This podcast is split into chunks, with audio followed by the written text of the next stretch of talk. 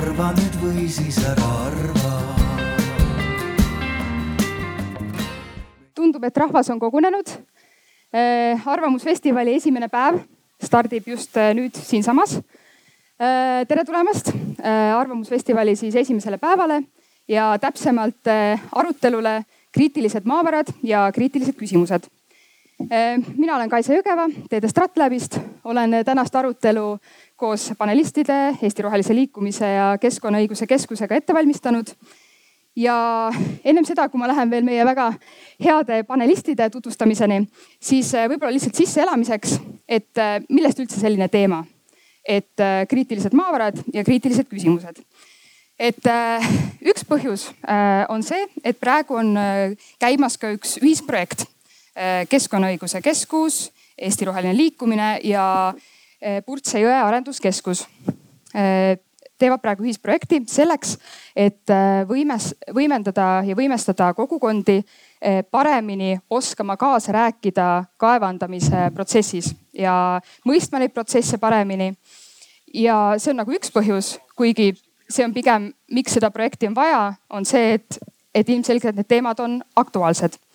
Ja nüüd kriitilised maavarad nii palju, et me alustasime Euroopa Liidu definitsioonist Eh, sellepärast, et Euroopa Liidu järgmine strateegiaperiood eh, on avanud eh, oluliseks teemaks ka kriitiliste maavarade ja üldse laiemalt maavarade kaevandamise diskussiooni Euroopa Liidu pinnalt.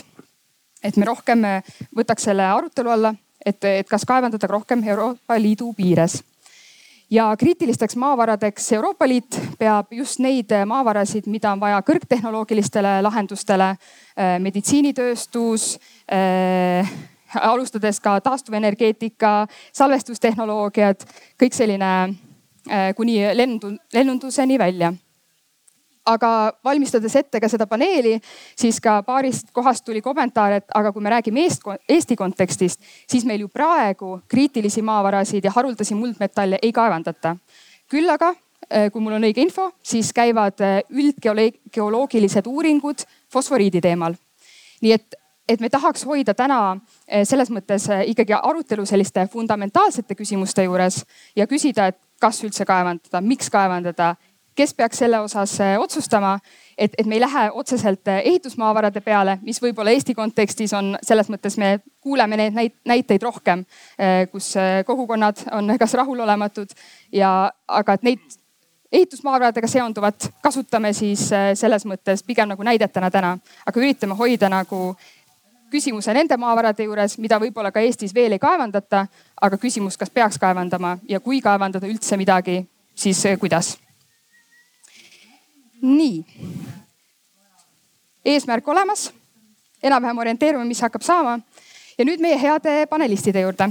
ja mulle alati meeldib mõelda, et kui ma pean pane, paneeli äh, väiksed tehnilised kommentaarid ja et kui ma pean paneeli äh, inimeste nimesid maha lugema, siis ma tunnen, et on tulnud õiged inimesed, piisavalt spetsiifilised ja heade nimedega ja selleks, et me saaksime paremini aru, kes ka teie olete siin praegu publikus, siis ma teeks niimoodi, et ma ütlen panelisti nime, ütlen, eh, keda ta esindab nii-öelda, kust ta tuleb ja teie saate siis anda käega märku, kellega te tunnete, et te nagu suhestute ehk kõige rohkem et siin me teame, et palju on siin meil geoloogiateadlasi, teadlaste eh, fänn, fänne kohal, eh, palju KOV-ide esindajaid ja nii edasi. nii, aga esimene, keda ma tutvustan, siis geoloogiateadlaste poolt on meil TalTechi Geoloogia Instituudi mäenduse ja maavaratehnoloogia osakonna juhataja Veiko Karu. aplaus ka, saame ärkame üles. kas on meil siin veel teadlastest kedagi, kes tunneb? väga hea, üks inimene, sa ei ole täna üksi ja teine ka. ma tean, ma ei ole üksi ei, ei, sinna kohe jõuame nii, siis eh, riigi esindajate poolt on meil Majandus- ja Kommunikatsiooniministeeriumi maavarade osakonna analüütik Margus Raha. ja aplaus. kes suhestub siis? ja eh, sain infot, et eh, süles on Estrella et siuksed head võtted täna kasutusel, kõik on täna kasutusel, läheb, läheb tõsiseks andmiseks e,. siis kaevandusettevõtjate poolt on meil Mäetööstuse Ettevõtete Liidu juhataja Rein Voog. nii kas siin on veel kaevandusinimesi? väga hea, ei ole ka üksi. ma, loodan, et siin ei ole see, et kõik on lihtsalt oma sõbrad kaasa võtnud, et loodan, et siin on äh, võõraid inimesi ka väga hea. siis KOV-ide esindab meid täna Eesti Linnade ja Vallad, Valdade Liidu juhatuse esimees Tiit Terik. tere, tere.. väga hea, ei ole ka üksi, super. esi, esireas. esireas, selge.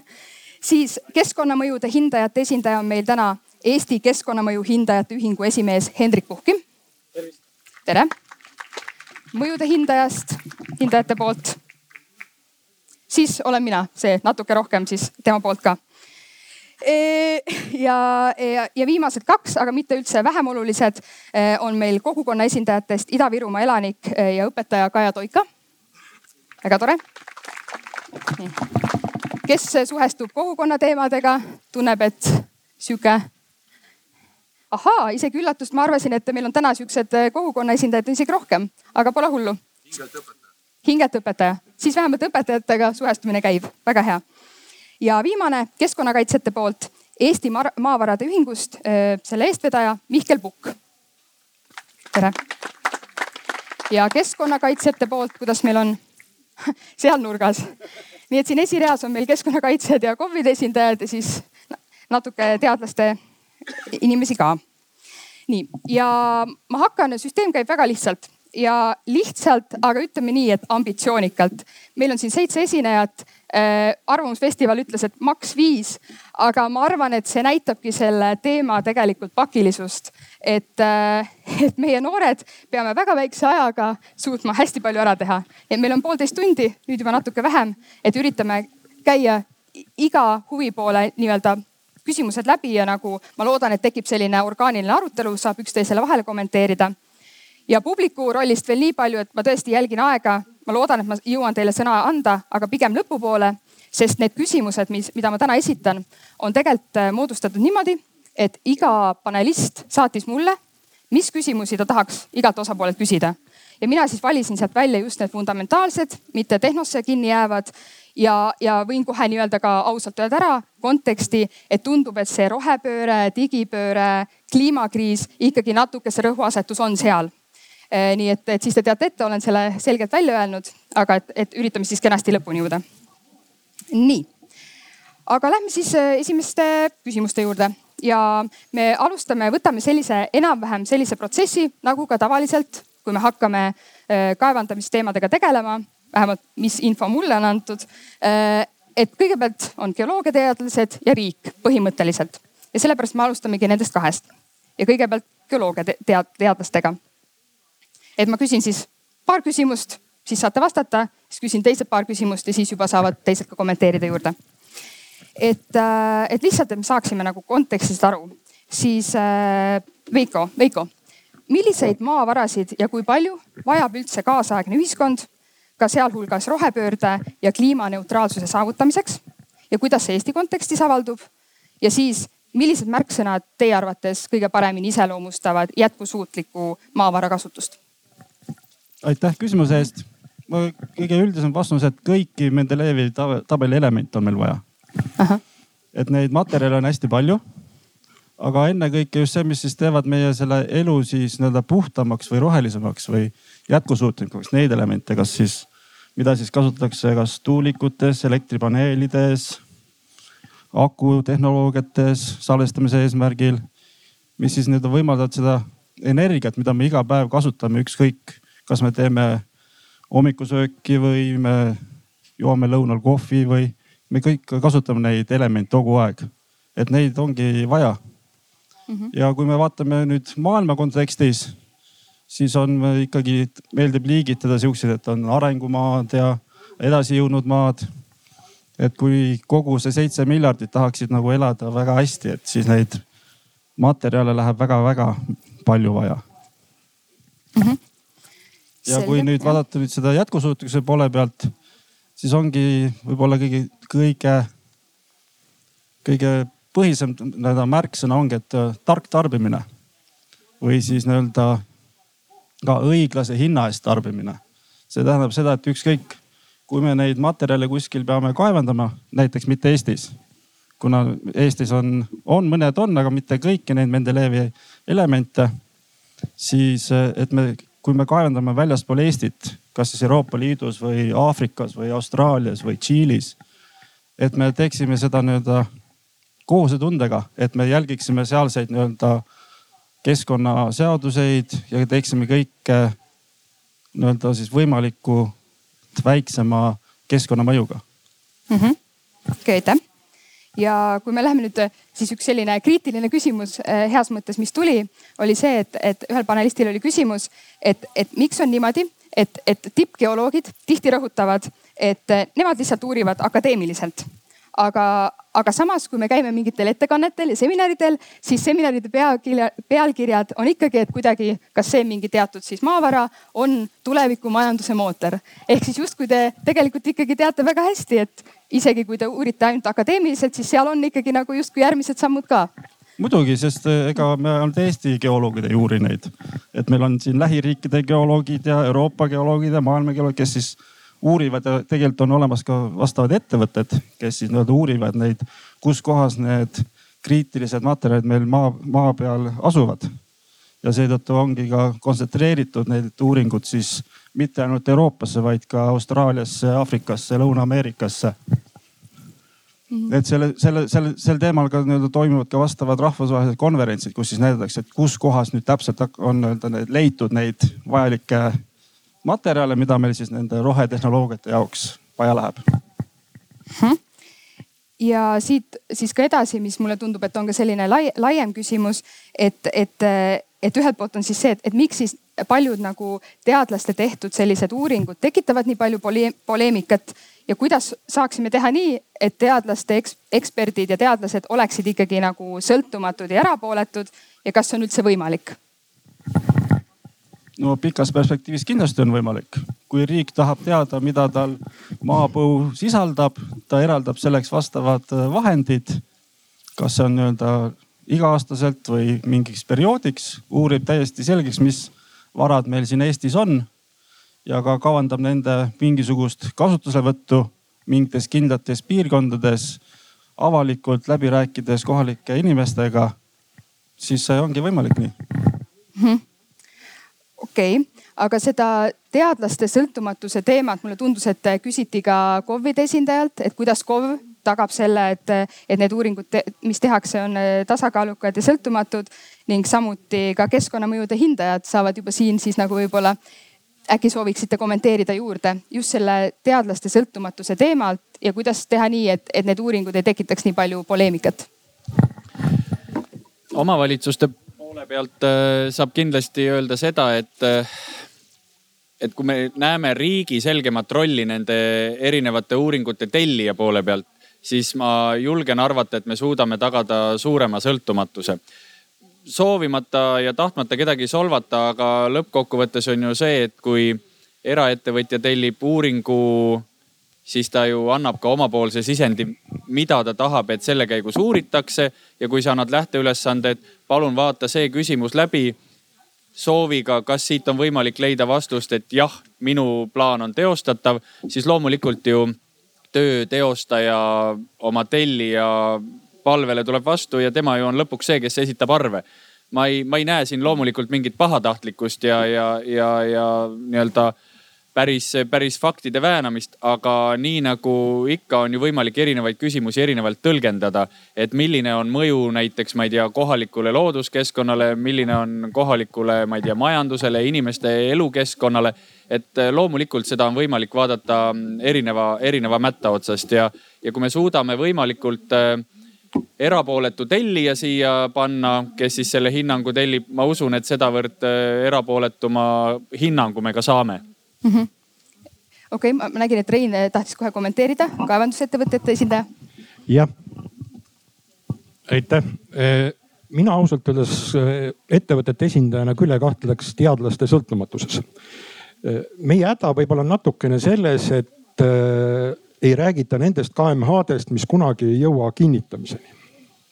ei räägita väga lihtsal põhjusel, sellepärast ettevõttel on endal natukene piinlik, et läks nihu, ta on hunniku raha magama pannud, aga ettevõtja ise loobub sellest. ja sellepärast ka see ei jõua nii-öelda selle kinnitamisfaasi mm. -hmm. ehk siis äh, sõltumata sellest, kes tellib, ettevõtte tellimus on, kas siin on sellise kvaliteediga maavara, mida ma saan kaevandada vastavalt keskkonnatingimustele ja mitte midagi rohkemat. Ja ükski teadlane ei hakka selles kohas valetama, aitäh mm. -hmm. selge ja sooviks veel kommenteerida? ja, et ma keskkonnaekspertide poole pealt ütleksin siia juurde, et ega kui rääkida eksperthinnangute sõltumatusest, et siis alati tuleb ka vaadata, et kes, kes neid küsimusi küsib. et, et sageli on niimoodi, et sellel küsijal endal on tegelikult mingi, mingi huvi sellist küsimust küsida ja see ei pruugi alati nii olla, aga, aga mõnikord ta ei ole ise nii-öelda sõltumatu selliseid küsimusi tõstatades aga noh, keskkonnaeksperdid kindlasti teevad oma tööd äh, professionaalselt ja ma ei näe küll ühtegi nagu suurt põhjust, et miks, äh, miks peaks seal keskkonnaekspert oma tööd äh, tegema kuidagi väga-väga kallutatult, et, et Eesti on väike ja, ja eks kõik tahavad oma, oma professionaalset tööd nii-öelda pikalt teha. ja mm, -hmm. ja keskkonnaekspertidel on ka riiklik järelevalve, et kui me mm -hmm. räägime litsenseeritud ekspertidest, et nende üle teeb järelevalvet keskkonnaministeerium ja neil on ka õigus ära võtta vastav, vastav litsents eksperdilt, kui, kui see töö on tehtud noh ebaprofessionaalselt või, või selgelt kuidagi, kuidagi vildakalt mm. -hmm okei okay,, aitäh kommenteerimast, annan veel Kajale ka sõna ja siis liigume natuke edasi ja me kindlasti saame ka lõpus tulla mingite asjade juurde tagasi. ja kogukonna esindaja. et äh, kogukonna esindajana tahaks ka seda küsimust kommenteerida. Ähm, et äh, mina siiski oma kogemusest äh, lähtudes ei usu ka, et äh, need eksperdid alati täiesti erapooletud on. et äh, kui ekspert teeb ikkagi sellise tulemusega keskkonnamõjude hindamise, mis ütleb kaevandajale selgelt, et kes on juba kulutusi teinud, et, et sa siin kaevandada ei saa siis noh, see annab talle endale ka ütleme sellist reklaami mm. -hmm. et ahah, tema käest võib tulla selline vastus, et ma ei saagi kaevandada aga kui ja... ma korraks äh, vahele lihtsalt iga, igaks juhuks, kui ma, ma saan aru, et Rein just ütles seda, et aga need äh, hinnangud, mis tehakse ja ei, võib-olla ei jõuagi lõppfaasi, et, et neid lihtsalt siis ei tehta, kui tulebki välja, et siin ei ole mõtet kaevandada, et neid asju on ka, need lihtsalt ei jõua, ei ületa meediakünnist. lihtsalt mina siin lihtsalt küsin küsimusi mm. -hmm. jah, palun jätka ja keskkonnaekspertidel mõjuhinnangute tegemiseks on mitmesuguseid meetodeid ja tihtipeale sõltub tulemus ka sellest, et milline meetod on valitud mm. -hmm. ja, ja selle meetodiga jälle on võimalik vaielda aga vaidlemiseks, et leida üks, mõni teine ekspert, kõik need eksperdid ju maksavad ja kohalikul kogukonnal tavaliselt ei ole seda raha, et, et neid erinevaid eksperthinnanguid kinni maksta ja siis jääbki peale see, mis on kinni makstud, ehk siis arendaja poolt tellitud mm. -hmm. aga ma annan lühikeselt sõna Reinu, Reinule ja siis korraks Mihkel andis ka märku. siin on üks selline küsimus, et kahjuks ma ütlen oma kogemustest, mida ma olen kogu aeg näinud, on see, et tegelikult näiteks ka kohalik, kohalik kogukond, kes on kaevandamise vastu, nad tegelikult teavad juba seda tulemust. ja juhul, kui see KMH tulemus nende arvamusele ei vasta, siis ongi süüdi öö, tellija ehk siis kaevandaja on süüdi ära ostetud öö, uuringu teostaja ehk siis tulemus. ainukene tulemus, mis neid rahuldab, on see tulemus, mida nad juba ise teavad, et siin ei tohi kaevandada. jah, keskkonnakaitsjad, palun mm jah, siin peaks vaatama nüüd natukene noh, eks ongi, on mitu, mitu poolt, kes vaatavad asja peale, on ju. ja see on hästi loogiline, et kõik nad ühtemoodi arvata ju ei saa. aga mm, kui me lihtsalt alustame sellest fundamentaalsest poolest, siis, siis suures plaanis on ju kohaliku kogukonna jaoks see emotsioon selline, et tulevad mingid mehed, kellel on siis piisavalt raha äh, siia nii-öelda minu õuele ja tahavad siin midagi korraldada, onju. aga noh, see on minu kodukoht ja mina ei ole sellega nõus, noh erinevatel põhjustel onju. ja see ja seda nagu hukka mõista tegelikult oleks ju vale, sest et mm -hmm. noh, come on, ma, ma, mina, mina siin teen oma lillepeenra ja, ja siis te tulete, tallate ära. Mhm. noh, kõik on õige, aga teine küsimus on see, et, et seda teevad inimesed, kes saavad selle eest palka noh. et, et lõppkokkuvõttes kohalik inimene on ju see, kes ei saa selle eest raha aga need inimesed, kes tulevad seda tööd tegema, need on iga kell noh, ka siin ütleme, ma ei tea, tõstke käsi üles, kes siin palka saab sellest eest, et, et te siin olete nii-öelda. kas te olete palgalised inimesed, meie ei ole näiteks, mina ei ole, tõenäoliselt Kaja ka ei ole siin palgaline. nii et noh, meie see noh, võib-olla on vale seda õigustada sellega, et, et meie see nii-öelda kompetents ei saagi olla nagu kõige kõrge aga samal ajal me selline noh, see, see puutumus on kahtlemata suurem kui igal teisel keskkonnahindajal või, või kaevandusettevõtjal mm -hmm. näiteks. ja täitsa muremõistetav. ma arvan, et see ongi väga hea, sest me tuleme veel nende küsimuste juurde, ma arvan, et see taandubki sellele, et, et millal peaks võtma kogukonda kaasama, kuidas peaks kaasama, kuidas need dialoogid peaksid nii-öelda erinevate huvipoolide vahel toimuma ja me kohe jõuame sinna. aga ma siis lähen praegu nii-öelda edasi järgmise nii-öelda huvipoole juurde ja saamegi küsida, et paneme mõlemad siuksed fundamentaalsed taustad nagu eh, paika, et kuidas siis ikkagi on täna Eestis. ja nüüd ma liigun riigi esindajate juurde, et siis Majandus- ja Kommunikatsiooniministeerium. et siis tekibki küsimus, et aga kui palju näiteks riik üldse juhib meil täna kaevandamise protsessi ja kas näiteks Eesti riik saab öelda, et ei, me ei kaevanda ja mis piirini? ei no muidugi saab öelda ja kaevandame, miks kaevandatakse, kaevandatakse sellepärast, et teatud maavaradel on nõudlus ja see on ka ajas muutuv, näiteks äh, mainida konkreetseid maavarasid, siis põlevkivil see nõudlus väheneb järjest. Äh, ehitusmaavaradel sõltub, äh, mis otsused poliitikud vastu võtavad, kas ehitada, milliseid taristuid ehitada ja sellest tuleb ka kaevandada, keegi ei kaevanda lihtsalt oma, et äh, teeks nüüd, kaevaks õige. ja, ja, ja kui tuleme ka ütleme tuleviku maavarade juurde või strateegiliste maavarade juurde, eks see, mis on kuulutatud ka Euroopas kriitilist tooret, siin juba korraks mainiti fosforiiti, et fosforiit ei ole nagu ainult väetisetoore, vaid ka haruldaste muldmetallide allikas. ja riik saab äh, siis äh, väljendada näiteks oma mittenõustumist, ütleme juhul, kui näiteks arendaja kas siis geoloogilise uuringuloa taotluses või kaevandamisloa taotluses annab taotluse sisse, kohalik omavalitsus pole nõus, keskkonnaamet siis sel juhul küsib nüüd konkreetselt meilt Majandus- ja Kommunikatsiooniministeeriumilt, et kas on olemas riigi huvi.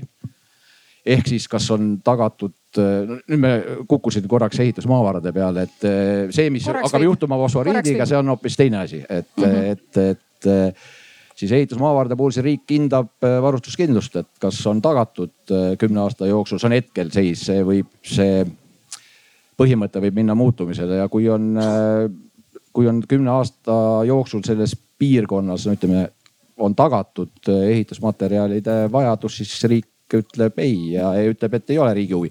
see ei tähenda, ei kohusta keskkonnaametit ikkagi andma seda keskkonnaloa, ta võib anda aga see on juba mhm. Keskkonnaameti kapsamaa, et aga mm -hmm. riigi esindajana ütleme, et ei. jah, aga siis ma küsingi, kuna sa ise mainisid, et, et kriitiliste maavaradega on juba hoopis teine lugu, et äh, äkki siis avate seda ka juba? no see on ju kõik väljatöötamisel, kriitiliste mm -hmm. maavarade puhul me üldse on praegu äh, väljatöötamise kontsessioonimehhanism.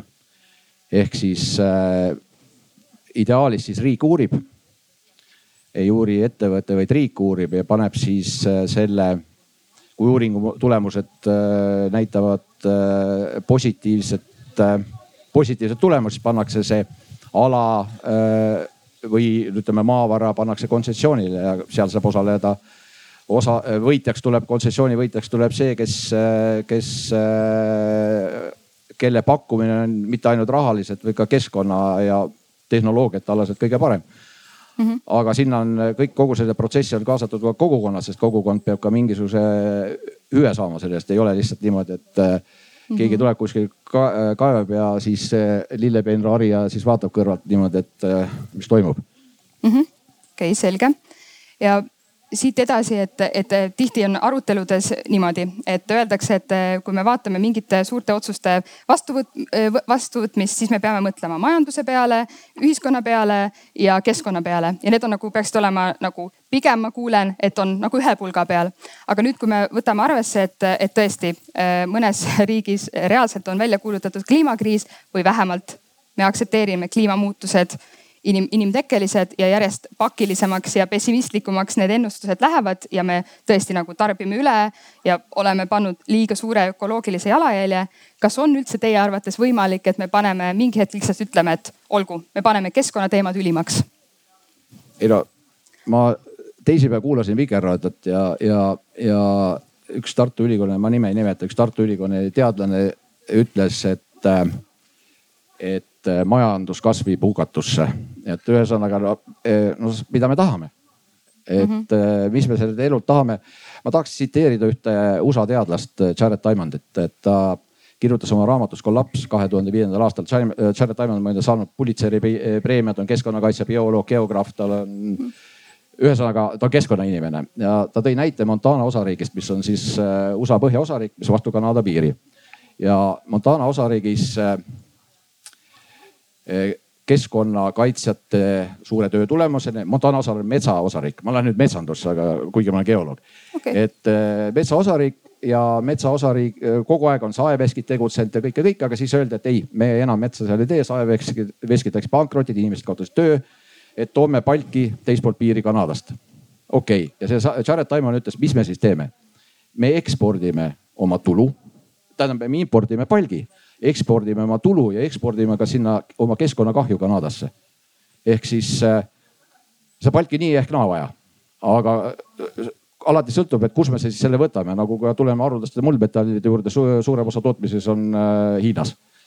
Hiina võib teha sellega, ükskord ütleb, et okei okay,, et on juba seda teinud, et ma nüüd keeran kraane natuke kinni, kinnisemaks, aga me kõik ju tahame siin, ma vaatan siin inimestel on mobiiltelefonid käes ja noh, kasutada neid, et, et meil on neid vaja mm. -hmm jah, aga minu arust eh, see ongi väga hea, sa tõidki minu arust eh, täpselt selle niimoodi põgusalt poole lausega mainisid, et aga kõik olenebki sellest, et mida me siis tahame. et kui sa tõid selle väite, et näed, et või noh, raadiost öeldi, et, et majanduskasv on saatanast, et aga äkki siis eh, avame korraks selle arutelu, et aga mida me siis tahame ja nagu eh, mis piirini selles mõttes, et kui te ütlete, et me ju kõik tahame nutitelefone, aga siis ma toon siis hea modereerijana selle teise poole, aga kas me tahame seda selle hinnaga, mis ta praegu tuleb, on ju, et ja. aga vasta, avamegi ma, selle. ma vastaks korraks veel, et mm, -hmm. et, et no me see, see asi ei ju maavarade puhul, on ka ju tuuleenergeetika, et meie tahame ja. elektrit, aga me ei taha, et meil oleks äh, tuulepark. et, et äh, lõppkokkuvõttes, kui me tahame tõesti minna, teha see rohepööre ära mm. -hmm ja kasutada neid kõiki neid tehnoloogiat ja ehitada tuuleparke, päikesejaamu, sõita elektriautodega. elektri, üks elektriauto tarbib umbes kuus korda rohkem metalle, kui on äh, tavaauto. et äh, kõikidel nendel asjadel jalajälg on hinnatud, et äh, kui see rohepööre nüüd teostuks aastaks kaks tuhat viiskümmend, et umbes kolm miljardit tonni uusi maavarasid on vaja kaevandada Mm -hmm. et kas me tahame, ei taha, mida me siis tahame? aga avame siit selle arutelu, et kas rohepööre juhul, kui me praegu näeme, et suuremad tendentsid on sinna, kas see on õigustatud ja millisel juhul ja kuidas? ma hea meelega tooks siit korra ühe omavalitsuse vaate sellest, et mida me reaalselt saada tahame ja mis hinnaga. kui sa küsid seda, et, et minnes täiesti sellest kaevandamisest korraks välja, aga, aga näide iseenesest on hea. Saaremaa elektrivarustus, tahavad endale jämedat kaablit, suuremat võimsust ja öeldakse, et meretuulepark, mida me teeme, et tegelikult jämekaabel kihutab Läti poole ja kui saarlased, teil on seda vaja, no sinna läheb aega, sest teile me peame selle kuskilt Narva kandist tooma. et äh, miks peaks saarlased tahtma oma rannikule tuuleparki, kui jämekaabel läheb Läti suunas, et, et kohalik kogukond küsib äh, täpselt nii nagu kaevandamise puhul, nii ka selle tuuleenergia ja kõige muu puhul. ja mis meie sellest saame, et so what, et teie teete oma mm, majanduspoolt, täiesti arusaadav, mõistetav, ühiskonnas vajalik. aga mida saab kohalik kogukond, et, et äh, kas saarlased saavad omale selle jämeda kaabli või läheb see Lätti mm? -hmm okei okay,, see on väga hea, sa tood just seda kogukonna ja kohalikku tasandit, aga püsime veel seal nagu veel fundamentaalsel tasandil, et ikkagi kas rohepööre või mis, mida me siis ikkagi tahame, mis maani, millise hinnaga? Ehm, noh, see on hästi lai teema loomulikult, äh, aga kui tahta seda niimoodi ühte hetke panna, siis äh, iga hinna eest küll ei ole seda vaja äh,. jah, seda on vaja, aga mitte siis kõike ohverdades äh,. siin on nagu noh, näiteks kui ma isiklikult endast räägin, siis tuuleparkide vastu Eestis näiteks kasvõi Hiiu madalal või seal Saaremaa rannikul olla äh, noh otstarbetu minu arust, et see on mõistlik ressurss, seda peaks kasutama kui äh, mõni saarlane viia no, näiteks Ida-Virumaale, näidata talle neid äh, kaevandamisega seotud mõjusid, siis ta tõenäoliselt võib-olla mõtleb nagu kaks korda pikemalt, enne kui ta ütleb ei, sest et äh, need mõjud on reaalselt noh hoopis teisest klassist kui, kui need, mis tekivad tuulikutest. mitte, et ma oleks mingi merebioloog või, või mis iganes mm. -hmm. aga üldisemalt on nii, et inimkond tegelikult sõidab ju kuristikku, noh, me teame seda, see ei ole mingisugune uudis, meid on varsti üksteist miljardit, on ju. kõigil on midagi vaja, noh tõenäoliselt kõik ikkagi elektriautosid ei saa, on ju. ja, ja, ja nii edasi.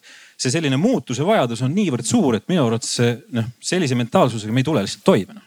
et -hmm. meil peaks tekkima mingi paradigma muutus, aga seda tekkimas minu, ma ei näe, kuskohast see toim-, tuleks, et mm, -hmm. et ja see, paradigma muutus just mille osas, kus see rõhuasetus on? no seesama, et, et majanduskasv, et majanduskasv mm. ei ole asi iseenesest, mis, mis oleks selline noh, nii-öelda holy grail, mida sa saad kogu see aeg nagu siis kummardada.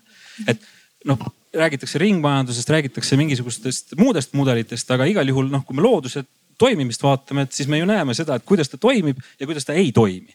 noh, meie oleme sellest ennast välja tõstnud, on ju, ja arvame, et noh, argumenteerime selle poolt väga tõsiselt ja võib-olla noh, vastu ka tõsiselt, aga tulemus on ikkagi see, et rong läheb kuristiku suunas edasi. Mhm, okei Rein ja siis Kaja.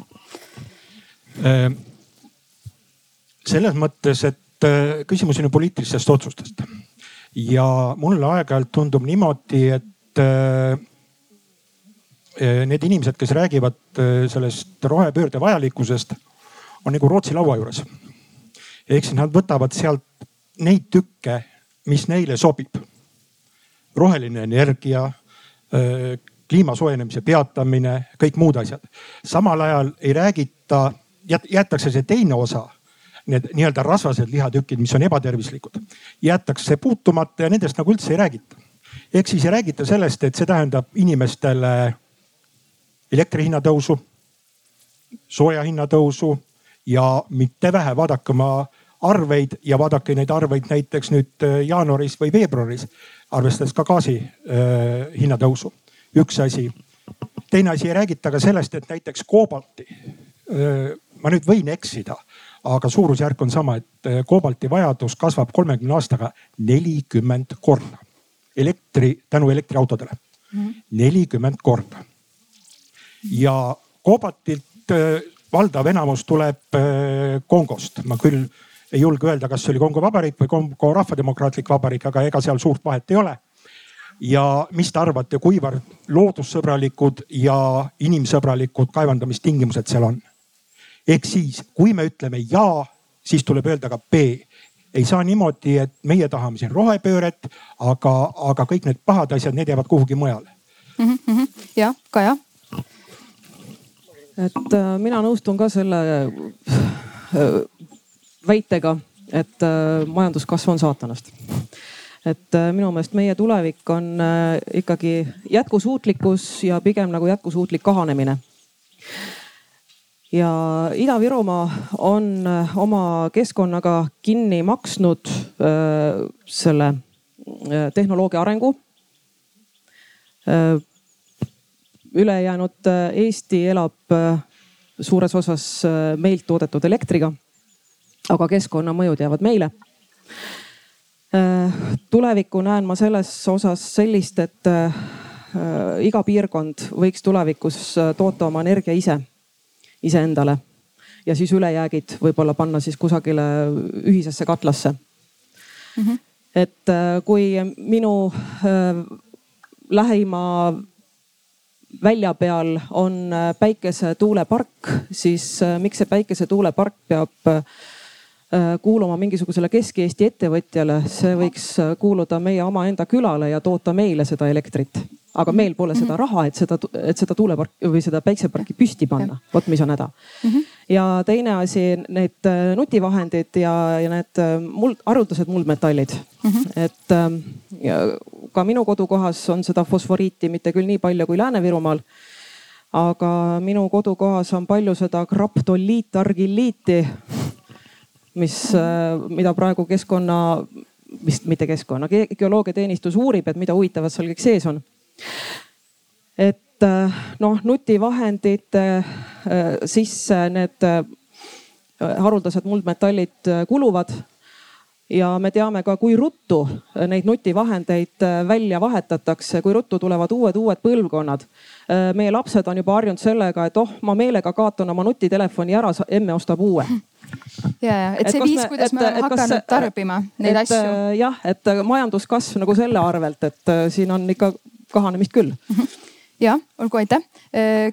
mõjude hindaja soovis kommentaari, siis Rein keskkonnaekspertide poole pealt ma seda rohepöörde teemat kommenteeriks sedapidi siis, et, et noh, praktikas siin kõlas see tuulepargi näide, et, et see on siis rohepöörde nii-öelda praktiline väljund on näiteks tuulepark on ju merel või, või maismaal ja, ja no kahtlemata, olgugi et tegemist on siis rohelist energiat tootva mm, objektiga, on sellel omad selged keskkonnamõjud. Ja noh, keskkonnamõju hindajad sellega oma, oma projektides igapäevaselt tegelevad, et ei ole niimoodi, et rohepööre on noh, ainult nii-öelda roheline ja seal, seal mingeid mõjusid ei ole, et on küll, et noh, mere peal on seal näiteks linnud, kalastik, nii edasi. Ja, ja see noh, keskkonnaekspertide töö, ma näen selles rohepöörde tuultes äh, siin noh, kindlasti kasvab, muutub mahukamaks. et ma olen seda tööd circa kakskümmend aastat teinud ja noh, see, kuidas tehti mõju hindamisi või keskkonnaekspertiise kakskümmend aastat tagasi versus nüüd. noh, see ei ole isegi öö ja päev, see on midagi muud, et, mhm. et need keskkonnateemad on väga palju rohkem laual ja, ja need kõikvõimalikud aren-, arendused, on nad siis tuulepargid, raudteed, mis iganes et seal täna võetakse kindlasti palju-palju rohkem neid keskkonnamõjusid arvesse, kui seda tehti kunagi, kunagi varem, et, et selles mm -hmm. osas ma usun, on asjad läinud nagu õiges suunas mm. -hmm ma lubasin Reinule sõna anda, aga ma korraks veel siis küsin ära, kuna ma tean, et sulle tuli ka küsimus, et, et aga kas tänane keskkonnamõjude hindamine on piisav sinu hinnangul ja kui hästi seal võetakse ka sellist äh, kogukonna ja sotsiaalse kohapealse nagu aspekti arvesse? väga hea ja. küsimus, et äh, mina ütlen, et kes tänane keskkonnamõju hindamine on, on piisav, on vägagi piisav ja kohati liigagi piisav. et miks ma niimoodi ütlen, on see, et noh, kuna mõju hindamine on eh, avalik protsess, seal võivad kõik osapooled eh, kaasa lüüa, küsimusi esitada ja nii edasi. et siis üsna sageli mõju hindamistele omistatakse kõikvõimalikke nii-öelda maailmavalulisi küsimusi, mida siis seal peaks hakkama ära lahendama, aga, aga kõik see ei ole kindlasti mõju hindamise ülesanne. keskkonnamõju hindamise ainukene põhiline ülesanne on välja selgitada, kas on olulisi mõjusid, punkt. et et muude, muude ja kui see on välja selgitatud, mis on olulised mõjud, et siis tegeletakse ainult nendega. et, et mhm. kõige, kõige muuga seal ümber ei, ei peaks tegelema ja, ja see kõik muu seal ümber põhjustab ka seda, et need mõju hindamised sageli on väga-väga pikad mhm. et mina olen siin ikkagi välja öelnud ka varem seda, et minu arust mõju hindamise võiks ära teha rahulikult ühe aastaga. et see on täiesti piisav aeg, et saaks välja selgitada olulised mõjud saaks äh, teha äh, nii-öelda aluse otsuse tegemiseks, et ei pea mõju hindamised kestma aastaid mm. -hmm. okei okay,, aitäh. Rein, siis võtaks võib-olla vahele korraks Tiidu ja siis Kaja. siin Mihkli jutust tegelikult tuli juba ka üks hea näide välja. et äh, ei meeldi kellelegi, kui tema lillependras kaevatakse. aga vot need Saaremaa ja Hiiumaa tuulepargid on ju tegelikult jube, jube, jube kihvtid asjad. ehk siis äh, andke mulle andeks, väga selge nimbi sündroom. Not in my backyard ehk siis tehke mujal, aga mitte minu äh, aia taga. see, et igaüks peaks nii-öelda ise majandav olema, minu teada praegusel hetkel töötab see ühes, ühes riigis, see on Põhja-Korea, Korea Rahvademokraatlik Vabariik iseasi, kui hästi ta seal töötab.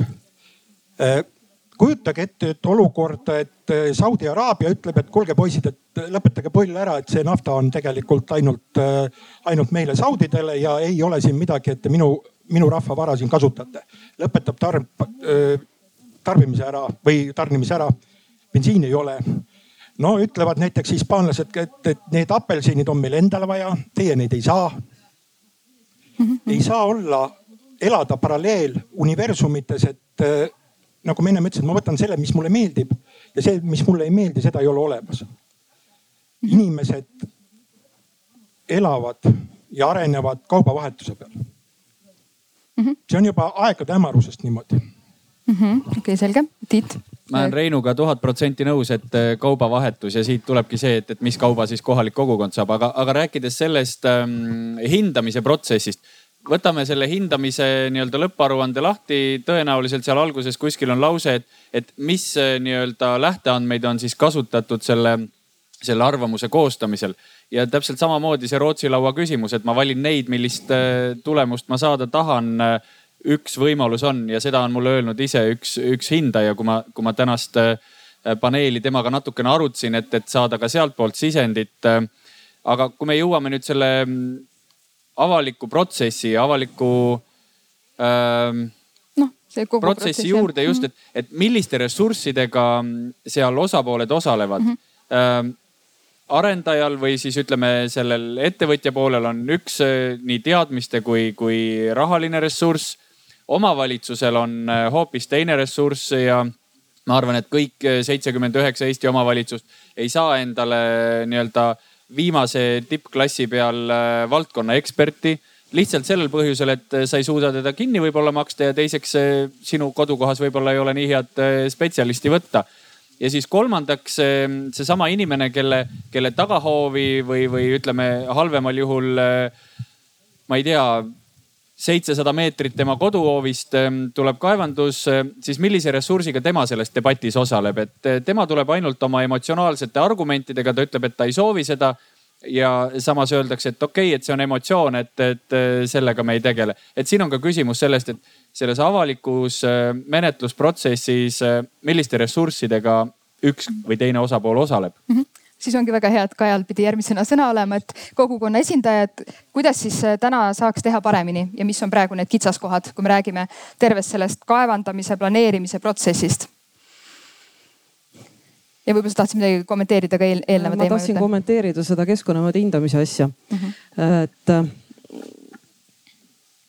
räägitakse küll äh, pikalt-laialt keskkonnamõõde hindamisest, aga sellest, et kas see äh, kas see keskkonnamõõde hindamise tulemus ka, kui kaevandamine lahti läheb, kas see ka tõele vastab, et äh, seda järelkontrolli nagu ei ole kuulnud, et oleks aga laseme äkki korraks siis kohe reageerida, jah, palun, mõjude hindajalt. ma ei tahtnud vahele segada, et ma mõtlesin, et saate lõpuni rääkida, et siis. mõtlen, kui mitu mõtet. okei, ma tahtsin äh, siia seda juurde ütelda, et, äh, et et ei noh, mõju hindamise mm, või alustada sellest, et mõju hindaja teeb oma tööd objektile, mida täna ei ole. ehk siis loomulikult ta teeb oma tööd teatud äh, eeldustega, teatud äh, nii-öelda hüpoteesidega, teatud kokkulepetega äh, riigiga, et, et kuidas, milliste metoodikatega seda, seda tööd on õige teha ja see on nii-öelda professionaalne arvamus ja see lepitakse erinevate osapoolte vahel kokku, et, et siin ei ei tohiks olla nii-öelda suurt, suurt segadust. ja loomulikult see hindamine on äh, natuke nagu tuleviku ennustamine et, et mismoodi see objekt, kui see valmis ehitatakse, milliste mõjudega see siis tegelikult hakkab olema. Et, et noh, loomulikult ükski keskkonnaekspert ei ole päris selgeltnägija. ta ei tea päris täpselt ette, kuidas see asi hakkab juhtuma, et ma loodan, et see ei ei tekita kelleski nii-öelda üllatust või, või, või hämmeldust, on ju.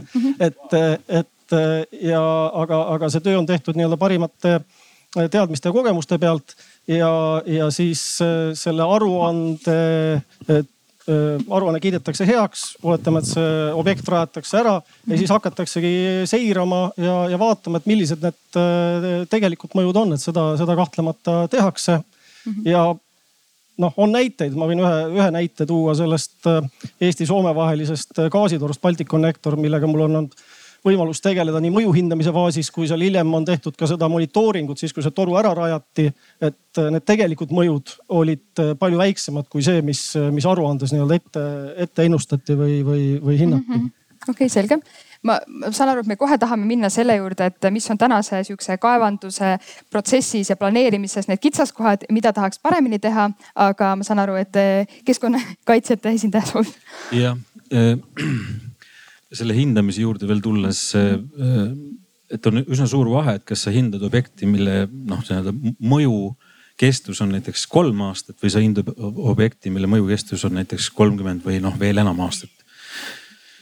et Ehm, ja siin ma usun, inimestel noh, on väga raske ka omakorda orienteeruda, et, et noh, kuivõrd palju see mingisugune objekt siis mõjutab, on ju. kui me räägime Rail Balticust näiteks on ju et selle objekti mõju nendele aladele, kuhu ta siis oma mõju ulatab, on aastakümneid, võib-olla sadu, on ju.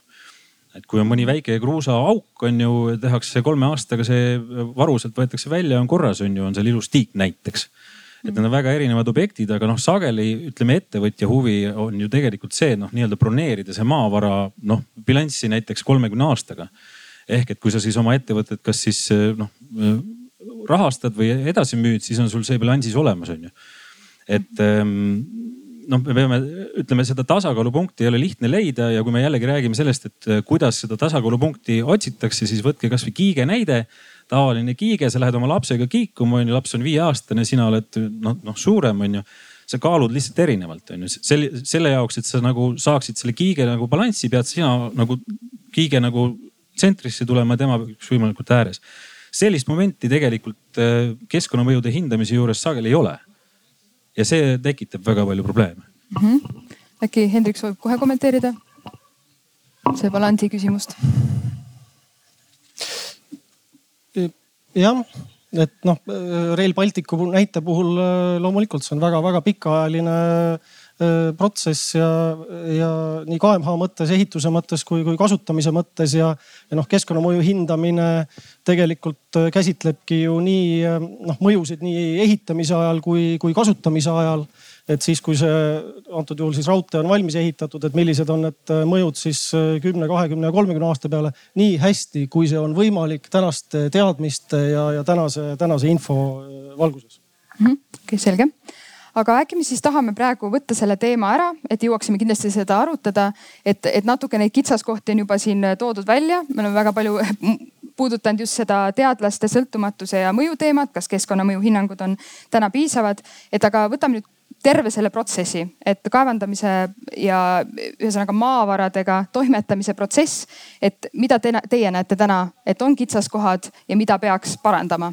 kasvõi see, et nagu ma ütlesin, et mulle anti info, et või noh teada on, et, et kui me hakkame mingeid eh, kaevandamise osas eh, otsuseid vastu võtma, siis alguses on geoloogid ja nii-öelda riik. aga et millal peaksid kogukond, keskkonnakaitsjad, teised osapooled ja noh, et kuidas teile, kuidas teile tundub, kuidas te kommenteeriks seda praegust, tänast protsessi? palun sealt edasi tundub, et initsiatiiv on karistatav, võtad, võtad mikrofoni, antakse kohe esimesena sõna, teised vaatavad, mida sa ütled mm. -hmm aga mm, mina ütleks selle koha pealt niimoodi, et äh, siin on natukene riigil tegemata asjad. punkt üks, riik on jätnud selgelt väljendamata oma huvi ehk siis võtma oma seisukoha äh, pahatihti, kui me räägime kaevandamisest, kui me räägime metsandusest, kui me räägime jäätmemajandusest, see on nihukene hell teema poliitikutele ehk siis äh, vabandust ühe viite eest, aga parem ära torgi, läheb haisema. ehk siis üritatakse nagu see otsustus teha, lükata kuhugi ära. riik ei taha võtta seisukohti, eriti arvestades seda, et meil tulevad oktoobris kohalikud valimised praegu mm. -hmm. et riik peab siin võtma kindlad seisukohad. teine asi, millele ka juba Tiit tähelepanu juhtis, on see, et äh, riik on täiesti jätnud arvestamata selle kohaliku kogukonna huvid majanduslikus mõttes kaevandajad maksavad iga aasta viis protsenti rohkem kaevandamisõiguse tasu. riik on kahjuks kogu aeg seda raha kohalikelt omavalitsustelt ära võtnud ehk siis vähendanud. Äh, mina olen selles ametis, kus ma praegu olen juba kolmteist aastat ja seda, selle aja jooksul me oleme kogu aeg rääkinud sellest, et tuleb paika panna mingisugune selge mehhanism. sest kaevandajad üldsegi mitte ei väida seda, et äh, kohalik kogukond ei saa pihta. ja kohalik kogukond saab just selle kõige suurema häiringu mm. -hmm. ja seda peaks ka kuidagimoodi neile kompenseerima. ma ei ütle, et see peaks olema elus raha. ei mm, -hmm. aga see võivad olla seltsimajad, mis iganes, iganes muud asjad. aga see peab olema selge riigipoolne raha, sellepärast et äh, ettevõtja juba nii või teisiti maksab selle häiringu eest. nüüd on õnneks äh, tuuleparkide puhul esimene pääsukene tehtud. ehk siis hakatakse arutama see kohaliku kasu jah, tuule, tuuleenergia parkidelt ja loodetavasti see jõuab ka jah, see on ka talumistasu või jah, mis iganes, et tegelikult ongi ju talumistasu ka kohalikule kogukonnale, kui me räägime kaevandamisest. nii et see on nagu kõige olulisem mm, -hmm. aga praegusel hetkel kui rääkida sellest, et mis on kõige suurem probleem, on selles, et kaevandajatel ei ole teist poolt, kellega -hmm. läbi rääkida. kui me räägime kogukonnast, siis nii kurb kui see ka ei ole, tuleb kohe ei mm. -hmm. ei, mhm. ma ei taha ja kui hakkad arutama, et aga noh, mis oleks siis need tingimused, millega, millega te oleksite nõus, et mis oleks siis need asjad mm. -hmm. ei, mind ei huvita, teeks seda kusagil mujal, et äh, arvan, et huvitab küll, aga lihtsalt teistmoodi huvitab.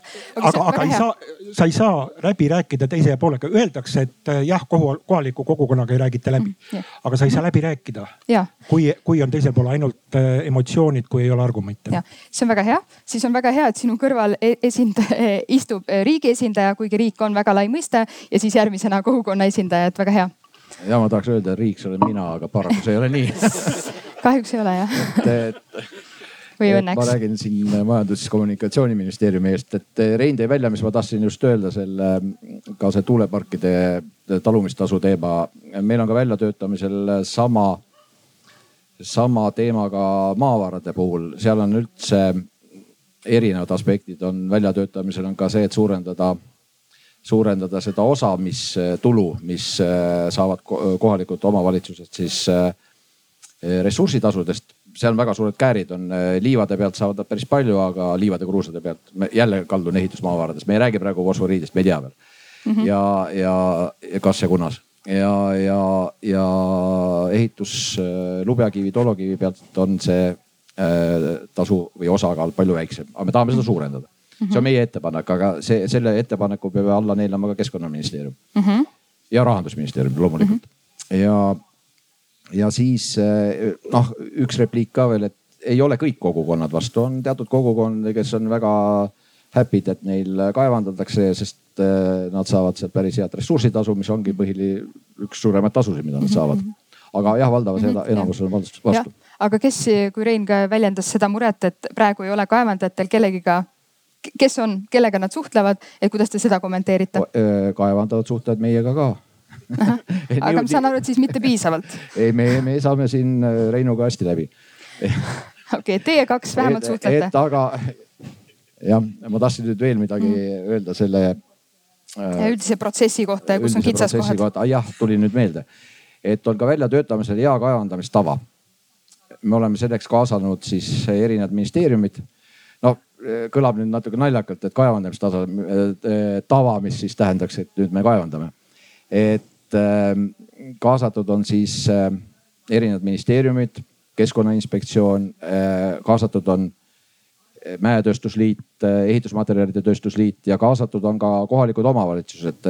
nii mitmedki omavalitsused saatnud juba oma, omad ettepanekud sinna. mis see põhimõte on, et ta ei ole nüüd ütleme mingi riiklik dokument, et, et nii ongi, aga seda võib kasutada kui nüüd see kokkulepe jõutakse, siis erinevate osapoolte vahel, et kasutada ka tulevikus, et, et noh, et näed, et kui keegi tahab kuskil midagi kaevandada, uurida, et näed, et sa oled sellele nagu alla kirjutanud mm -hmm. või ei ole alla kirjutatud, et noh, selline mm -hmm. präänik.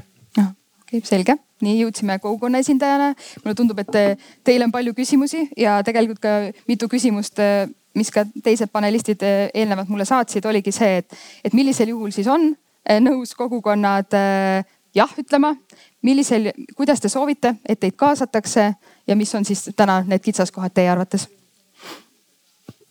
et äh, millisel juhul on kogukond nõus jah ütlema, see on igal äh, juhtumil on tegelikult erinev. Mm, siis, äh, et sellele ma niimoodi konkreetselt vastata ei oska, see on täiesti läbirääkimiste küsimus mm. -hmm. siis noh, probleem, et arendajal ei ole kellegagi rääkida Äh, äh, ma kogukonna esindajana jälle võin öelda, et, et äh, on üks suur kitsas koht, mille lahendamatuse tõttu kogukond ei saa kaasa rääkida. et kui läheb kaevandamisloa menetluseks, siis noh, vaikimisi osapooled on arendaja, on siis keskkonnaamet ja siis ütleme ka kohalik omavalitsus aga need inimesed, kes ütleme siis äh, hakkavad oma kirju kirjutama neid automaatselt menetlusosalisteks ei peeta, kuigi nad poevad või nahast välja, et näed, mina olen ka siin, ma tahan ka kaasa rääkida. aga menetlusosalisteks ei peeta meil, minul konkreetselt omas kogukonnas läks viisteist aastat aega, kuni keegi lõpuks vihjas, et palun tehke avaldus, et teid võetaks menetlusosalisteks, siis hakkavad teile ka kirjad tulema aga muidu on niimoodi, et äh, sa võta ennast kasvõi töölt lahti, et sa käid ja tuhnid läbi kõik dokumendiregistrid, et mm -hmm. kätte saada, mida, mida nad jälle omavahel on kirjutanud. nii et kas ma saan õigesti aru, et äh, selleks, et sa oleksid menetlusprotsessis üks võrdväärne partner, sa pead ise tegema avalduse, aga tänases süsteemis see otseselt pole niimoodi, et me algu, al, alustame, kes iganes seda protsessi eest veab, siis tema nagu umbes tagab, et vot need huvipooled oleks kohe, ise peab. ahah, selge ja siis ähm, see äh, ressursitasude omavalitsusele tulek. no äh, jah, seaduse järgi omavalitsus peaks olema siis see kohaliku kogukonna nagu eestkõneleja. see kõik oleneb jälle poliitilisest olukorrast. praegu, kus on need suured ühendomavalitsused loodud võib poliitilisest üldiselt olukorrast sõltuda see, et millist vallapiirkonda parasjagu arendatakse. Ja võib olla niimoodi, et äh, seda jah, et ressursitasu, äh, see ütleme, see talumise tasu, see tuleb vallale, aga vald äh, kasutab seda omaenda äranägemise järgi, näiteks vallakeskuse arendamiseks. aga kui mina elan seal ääremaal, siis mina ei saa midagi ja minul on endiselt küsimus, et aga mida kohalik elanik siis saab mm? -hmm okei okay,, väga hea, siis on jällegi väga hästi olete istunud, istunud, et järgmisena ongi siis KOV-ide esindaja ja ma lihtsalt panen ka siia lauale ära need äh, põhimõttelisemad küsimused, mis ka KOV-idele tuli, et me niimoodi orgaaniliselt liigume siin. et, et olidki sellised küsimused, et maavarad ju asuvad seal, kus nad asuvad ja selle vastu KOV otseselt ei saa võidelda, nad on seal. Ja nüüd ongi see küsimus, et kas ja millistel tingimustel on valmis KOV aktsepteerima, et neid näiteks ka tulevikus, kui on mingid kriitilised toormed, et neid hakatakse kaevandama, siis millisel, kuidas teie peaksite võtma eh, ja missugust lühikest ja pikka perspektiivi arvesse, kui te näiteks otsustate, kas teie KOV-is saab kaevandada ja kuivõrd te täna eh, tunnete, et, et teiega arvestatakse Äh, kui me räägime nüüd kaevandamise otsustusprotsessidest ja nii mm. -hmm eks selle kõigega on, on see, et äh, konflikt ühiskonnas on möödapääsmatu ja selle protsessi juures ka ja seda lihtsalt sellel põhjusel, et ressursid on jaotunud ebaühtlaselt. olgu selleks ressursiks siis maavara, võim või raha.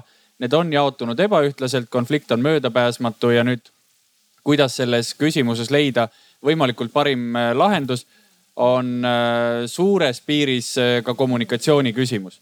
Mhm. kuidas ähm, huvitatud osapool, on ta siis äh, kaevandaja, ehitusettevõtja, kes iganes selle ühe vaate esindaja. Ähm, kuidas näeb seda asja kohalik omavalitsus ja edasi veel kogukond? Ähm, üks viimane juhtum, mis Tallinnas Nõmme linnaosas ka pealinna jaoks selle kaevandamise temaatika ülesse tõi, mm, tõi välja ühe kitsaskoha, mis tõenäoliselt on ka teistes omavalitsustes ühtepidi sarnane, et, et see menetlusprotsess käib nii-öelda valitsuse, on ta siis linna või vallavalitsuse tasandil. Ehm, kus eh, ametnikud teevad eh, lähtuvalt protseduurist oma tööd ja, ja teine ja tegelikult kõrgemal asetsev poliitiline tasand on kohalik volikogu. Ja nemad on kogukonna esindajad, kes on sellesama vallavalitsuse enda palgale võtnud sisuliselt elanike esinduskoguna. ja, ja tahavad olla ka nendes protsessides rohkem sees, seda enam, kui, kui asi muutub nende jaoks äh, kriitiliseks ja väljub sellisest nii-öelda äh, tavaprotseduuri raamidest. meie tegime Tallinnas volikogu keskkonnakomisjoni poolt meie ametitele ülesandeks, et kõik sellised äh, kaevandamise uurimise taotlused ja kõik sellised protsessid tuleb nüüd teavitada ka volikogu keskkonnakomisjoni, kus siis see ring inimestest, kes sellesse protsessi on haaratud, kasvõi nii-öelda teadmise poolest oleks esindatud. nüüd mm -hmm. sealt äh, volikogu tasandilt, olgu ta Ida-Virumaal või pealinnas, liigub see info kohalikku kogukonda ehk siis see tagasisidestamise küsimus oma valijatega. Äh, Rein, kes on samamoodi pidanud pealinnas volikogu esimehe ametit, nii nagu mina, teab ju seda poliitilist protsessi täpselt samamoodi ka, ka teiselt poolt ja, ja tänases ametis võib-olla äh, nähes, nähes seda asja võib-olla sellise kokkupõrke kohana, mis, mis pärsib seda äh, nii-öelda kaevandamiseni jõudmist aga see võtab tegelikult maha ka pingeid, kui sellega võimalikult protsessi alguses alustada. kohaliku kogukonnaga, poliitikutega läbi rääkida see, mida see endaga kaasa toob. ja nüüd see küsimus, mis sa siia veel tõid, et mis saab siis kohalik kogukond, peab saama ka vastuse mm. -hmm. meil tegelikult on ka positiivseid näiteid tuua, mida tõenäoliselt nende protsesside alguse juures kohalikule kogukonnale ära seletatud ei olnud. aga Saku Männiku piirkonnas täna on üks veikpark tehtud kaevandamise alale. Saab nii kohalik inimene kui piirkonna inimene seal käia veespordimõnusid nautimas. noh, Ida-Virumaa ja sõude olümpia tõenäoliselt saab olema ühes lauses esindatud nii, nii mitmelgi korral tõenäoliselt tulevikus nüüd on küsimus ka sellest, et kas äh, kõik need ähm, kaevandamisest äh, tulevad positiivsed mõjud jäävad ka piirkonda. Väo karjäär, kust äh, võetakse välja palju materjali ja, ja sealt saadavast toormest tuleb betooni. Kakskümmend viis protsenti sellest näiteks paneelidena rändab eksporti. võib-olla see mhm, mhm. Lasnamäe inimene, kes seal kõrval küsib, et aga, et ja mis see minu mure on, et siin seda eksporti teete, et mina ei saa sellest mingit kasu. -hmm. samas kohalikus väikekogukonnas Ida-Virumaal on ka ju näiteid sellest, kuidas kaevandatakse, pärast rajatakse sinna mõnus supluskoht, nii et, et kommunikatsiooni mm -hmm. juurde jõuan tagasi. läbi rääkida kohaliku kogukonnaga. Ilmselge on see, et, et sajaprotsendilist üksmeelt ei saavutata kunagi. emotsionaalseid argumente jääb alati, aga kui väga selgelt ära näidata see, et, et, et mida me teeme ja mida kohalik kogukond sellest võidab. olgu see, ma ei tea, kasvõi selle suure Rail Balticu näitel, et kas me tahame kiiremaid ühendusi Euroopasse või mitte, sellepärast et nii nagu inimese kehaga ka, et kui läheb külmaks, siis perifeersemad äh, kohad äh, jäävad verevarustuseta ja, ja varbad ja sõrmeotsad hakkavad külmetama, nii et, et ma usun, et, et Eestis see iseenesest oleks ju häid ja, ja nii-öelda püsivaid ühendusi ka mhm. raudtee näol vaja, aga, aga mhm. kas ja millist hinda me oleme nõus selle eest maksma? Ahah, ja et see ilmselt see küsimus on ka üks nendest fundamentaalselt, et millist hinda me oleme valmis maksma selle eest, et me kaevandame mingeid maavarasid.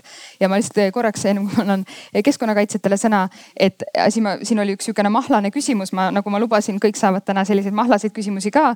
et oli küsimus, et, et aga millised argumendid näiteks KOV-i eh, hinnangul nagu kohaliku kogukonna poolt on õigustatud ja millised argumendid, kui te kuulete, siis te olete nagu, see ei ole piisav põhjus, et kogukond võiks öelda ei.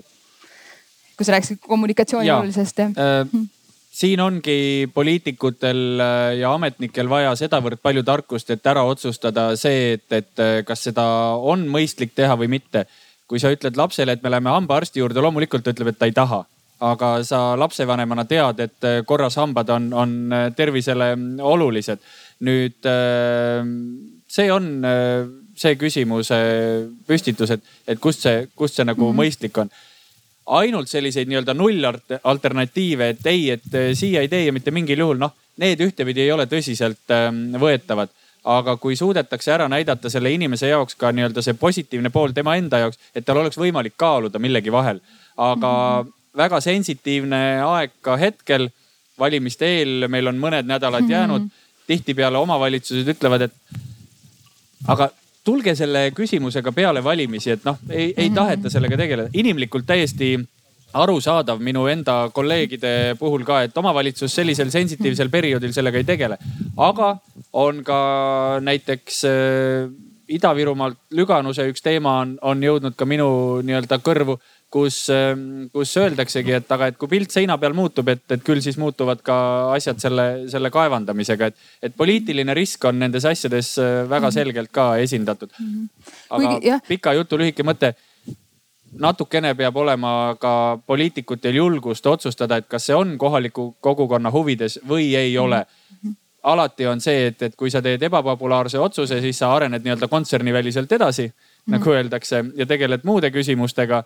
ja, ja kui sa teed ainult populaarseid otsuseid, noh siis siis sa oledki varsti võib-olla kohas, kus on äh, ainult äh, igav liiv, tühi väli ja inimesed kolivad ära, et seal, seal lihtsalt ei ole enam mitte midagi teha, et, et kui sa ütled kõikidele arengustaap staadiumitele ei, olgu see siis ka mõningase negatiivse mõjuga mm, -hmm. et noh, sa ei saa nagu ennast täiesti välja lõigata nagu päris elust ka. Mhm. okei okay., vaatasin, et keskkonnakaitsjad, Mihkel.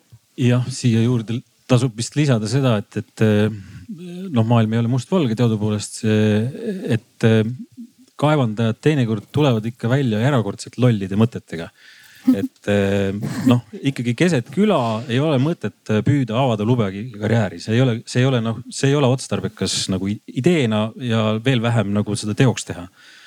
Nii et, et siin peab suutma eristada ka seda, et, et kas see mõte, mida püütakse teoks teha, on sellepärast laual, et kellelgi juhtus olevat maatükk, kus teatakse olevat mingisugune varu ja siis nüüd äh, algatati protsess äh, või tegelikult on hoopistükkis noh, taga on suurem planeering, suurem idee, mingisugune konkreetne vajadus, mida äh, minnakse täitma. noh, need on täiesti eri kaaluga siis sellised protsessid, mida, mida vaadata, et kohalik on noh, võib-olla tõesti vastu kõigele, aga objektiivselt võttes pigem nendele nii-öelda lollidele mõtetele, mis, mis paraku väga tihti nagu üles kerkivad. Mhm. no üks näide lihtsalt see, et, et kui ühes külas on juba nagu kolm aktiivset kruusakarjääri on ju, et siis võib-olla kahte sinna juurde lisada ei ole kõige mõistlikum mõte, aga selline näide Eestis on paraku olemas mm. -hmm. ja ma saan aru, et Margus soovib ministeeriumi poolt. jah, tahan öelda seda, et kõigepealt äh, ma tahan nüüd, see ei ole nüüd Mihklile küll hea näide, aga, aga Kiruna, Kiruna linn äh, Põhja-Rootsis, et ikka leiti, et ikka see rauamaak on ikka niivõrd tähtis, et kaks tuhat neliteist koliti kesklinn kolm kilomeetrit eemale, et siiamaani see kolimine kestab, aga ehitusmaavarade puhul no ja loomulikult ei ole mõtet avada mõttetult karjääre, kui, kui selle jaoks ei ole vajadus, ma olen täitsa nõus sellega. ja, ja mis puudutab nüüd äh, kohalikku kogukonda ehk siis otseselt nüüd kaevandusest mõjutatud inimesi, mitte siis tervet, tervet KOV-i, kui on tegemist tõesti suure KOV-iga. et ka meil sarnaselt, sarnaselt siis tuuleparkidega on, katsume välja töötada see mehhanismi, et otseselt nüüd kaevandusest mõjutatud isikud saaksid selle eest ka hüvitatud mm. -hmm jah, ma siis ütlen äh, korraks vahekommentaarina, ma kohe võtan, äh, äkki on publikus ka tekkinud vahepeal mingeid äh, siukseid fundamentaalseid küsimusi, kui me mõtleme maavarade kaevandamisest, aga ka just mõeldes rohepöördele keskkonnahoidlikumale elule, et, et ka kriitilised maavarad ja ka digipööre on meil siin aktiivselt Eestis toimumas. et võib-olla sellega seoses mingeid küsimusi, aga ma ütlen ka siis panelistidele nüüd ära, et ma lõpus, me juba vaikselt hakkame triivima lõpupoole, et te võite juba mõelda, meil tuleb paar küsimust veel, et, et mis on need küsimused, mida te tunnete et, et me ka täna siin ikkagi ei, nagu ei jõua piisavalt arutada, et mis on need küsimused, kus meil päriselt peaksid olema rohkem osapooli laua taga ja me peaksime need fundamentaalsemal tasandil nagu läbi arutama. et see alguses natuke tuli see teema, et aga mida me siis ikkagi tahame. et siis te saate ma lõpus küsin, et mis teie jaoks on ikkagi need küsimused, mis, mis vajaksid põhjalikuma arutelu kui siin praegu poolteist tundi. aga pöördun siis korraks publiku juurde, et kui rääkida kriitilistest maavaradest ja kuni selleni välja, et need maavarad, mida me veel praegu ei kaevanda, aga käivad uuringud, peame otsustama mingi hetk, kas me kaevandame, kui palju me kaevandame, miks me kaevandame. et kas on tulnud panelistidele või selle teema osas kommentaare või küsimusi? ja eh, mikrofon on seal, Silver aitab jagada. nii, esimene küsimus või kommentaar. tere ähm seda arutelu kuulates mul tekkis selline küsimus, et ähm, see, kes saab kõige rohkem kannatada, on kohalik elanik, tal on kõige halvem. samas äh, talle pakutakse präänikuna sellist äh, nigelat nagu präänikut, et äkki sa saad viiekümne aasta pärast tiigi. samas sul võib-olla põhjavee tase langeb ja sul on mürasaaste ja nii edasi et tavaliselt äh, abiks on see, kui pakkuda paremat präänikut. et kas näiteks see ei tuleks kõne alla, et ettevõte lähtub äh, sellise startup'i maailmavaatest ja ütleb, et okei okay,, minu kasumimarginaal näiteks kaevandamisel on tavaliselt, ma ei tea, mis teil sektoris on, viisteist protsenti või rohkem, vähem? viis vähem ütleme, et äh, te ütletegi, et näiteks meie kasumist äh, üks kuni kaks protsenti läheb nendele, kes on kohalikus kogukonnas need kõige suuremad kannatajad otse mm. -hmm. ei ole mingit riiki, ei ole mingit KOV-i seal vahel, kes selle raha oma tasku pistab äh, või ametnikele palkadeks jagab ja nii edasi, vaid see läheb kohe kohalikule inimesele. ja kui ta tõesti selle viiekümne aasta pärast tiigi asemel saab näiteks iga aasta ma ei tea, paarkümmend tuhat eurot, võib-olla see vastasseis oleks väiksem ja ma laseksin kohe Reinule vastata, aga see on väga hästi haakub ka selle, aitäh, et selle küsimusega, mis oli, et, et kas kaevandaja on valmis ka eh, prioritiseerima keska, keskkonnahoidu siis, kui see tuleb teie omanike väiksemate tulude arvelt. mulle tundub, see natuke haakub sellesama kommentaariga. ma ennem võib-olla siis vastan sinu küsimusele ära mm, -hmm. et äh, kindlasti, et see nüüd, et keskkond on kuidagi vähem kaitstud, sellepärast et äh, kaevandaja tahab ropult raha saada, see on täiesti vale, sellist asja ei ole. meil on väga täpsed reeglid, äh, meil on pidevad keskkonnaameti kontrollid. et see jutt, et nüüd vastikud kapitalistid löövad minu arvelt roppu raha kokku, ei vasta tõele. mis puutub nüüd sellesse, et võiks nagu raha maksta. Jah, see on üks võimalus, aga siin ma kardan sellist varianti, nagu meil mõni, mõni aeg tagasi ennem kohalikke valimisi oli, kus oli ühes korteris elas kuuskümmend inimest korraga mõnes, mõnes omavalitsuses et eh, kui me räägime mingist kompensatsioonist, siis see saab olla ainult eh, maaomandi baasil. ehk siis, kui sul on seal maaomand, siis eh, see peaks olema ja nagu ma juba ennem mainisin, praegusel hetkel riik on teinud kõik selleks, et see kompensatsioonimehhanism, kuhu ettevõtja maksab väga suuri summasid näiteks liiva puhul on riiklikud maksud, kaasa arvatud ka keskkonnatasud üle viiekümne protsendi oma hinnast. Öelge mulle, milline toode peale viina ja, ja, ja alko-, kange alkoholi veel selline on. et äh, see liigub kusagile kõrvale ja kohalik kogukond seda raha või seda hüve ei näe. kas see peab olema elus raha, ma natukene kahtlen. küll aga see võib olla näiteks paremad teed, äh, seltsimaja mis iganes. igal juhul see raha peab jõudma kohalikule kogukonnale ja nii palju, kui ma olen aru saanud, ka nüüd MKM eh, selle nimel töötab ja, ja loodame, et eh, siis, kui see hull valimiste aeg on möödas, et eh, siis saab ka lahendusi leida, sest praegusel hetkel, kui me nüüd jätame mm, mõned Ida-Virumaa vallad välja, siis ausalt öeldes Tiit juba mainis minu, minu äh, minevikku poliitikuna. mina ei näe ühtegi põhjust, mille paganama pärast kohalik omavalitsus peaks äh, toetama kaevanduste avamist oma vallas või linnas. Tal puudub mm -hmm. absoluutselt igasugune põhjendus selleks mm. -hmm. selge ja aitäh. Äh, veel üks küsimus, Silver, kas saad viia siia keskele? aitäh, tahtsin öelda Reinule kommentaariks seda, et ma tean, et äh, Alaskas või, või Põhja-Kanadas äh, kohalikele, kohalikele elanikele makstakse selle nafta puurimise tasumise eest äh, noh, mitu tuhat äh, dollarit, nii et äh, see on selline rahaline mehhanism tõepoolest, et nad on nõus sellega siis. nõus, aga võrdleme siis nafta hinda ja võrdleme lubjakivi hinda. jällegi, need ei ole kahjuks kahjuks, ma ütlen kaevandajate poole pealt, kahjuks ei ole võrreldavad asjad. me tahaks ka muidugi oma lubekivi eest küsida samat hinda nagu nafta eest, aga, aga ei tule välja. kuna meie suurim lõppkokkuvõttes maksja olete kõik teie ehk siis kõige suurem osa ehitusmaavaradest, äh, see üle seitsmekümne protsendi läheb teedeehitusse, mille maksab kinni maksumaksja mm. -hmm. siis ka see on üks oluline argument siinjuures mm -hmm.. okei okay, ja võtame ühe küsimuse veel või, või kommentaari. hallo ja tere, tere mhm. mm. -hmm. esimesel paneeli minutil me saime teada, et kogu Mendelejevi tabelit on meil tegelikult vaja rohepöördes.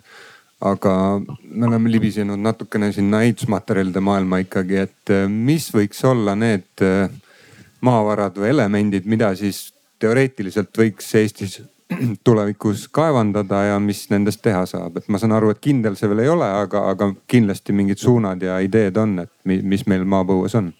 Mhm, -huh, aitäh, väga hea. tuleme teema juurde tagasi. nii, palun, Margus. et äh, oota, sa mainisid ehitusmaavarasid või? Just ei, ütles, et kriitilisi. ei, ma, ma, ma mõtlesin ka ehitusmaavarades nagu neid elemente meil, äh, okei okay, ja niinimetatud, me nimetame ka neid tuleviku maavaradeks, me ei olegi õiget nime välja mõelnud veel, strateeg-, strateegilisteks maavaradeks, mis on siis fosforiit, siis nii väetise toorainena kui seal leiduvate haruldaste muldmetallide allikana, no näiteks neotüüm. Neotüümi me leiame püsimagnetites näiteks tuulegeneraatorites, autodes ta aitab, püsimagnet aitab siis muundada kineetilise energia elektrienergiaks generaatorites ja autodes vastupidi siis. see on üks väga oluline haruldane muldmetall. ja, ja korraks mainiti siin graptoliitargeliiti. noh, vanemad inimesed nagu mina näiteks mäletavad seda uraaniallikana, aga, aga seal on näiteks ka vanaadium, mis on tähtis akumetall mm. -hmm. ja, ja kui sa Veiko tahad veel lisada juurde? kas äkki Veiko jah soovib ka kommenteerida? ma kommenteerin seda niiviisi, et äh, tegelikult me igaüks tegelikult hoiame kodus neid haruldasi muldmetalle.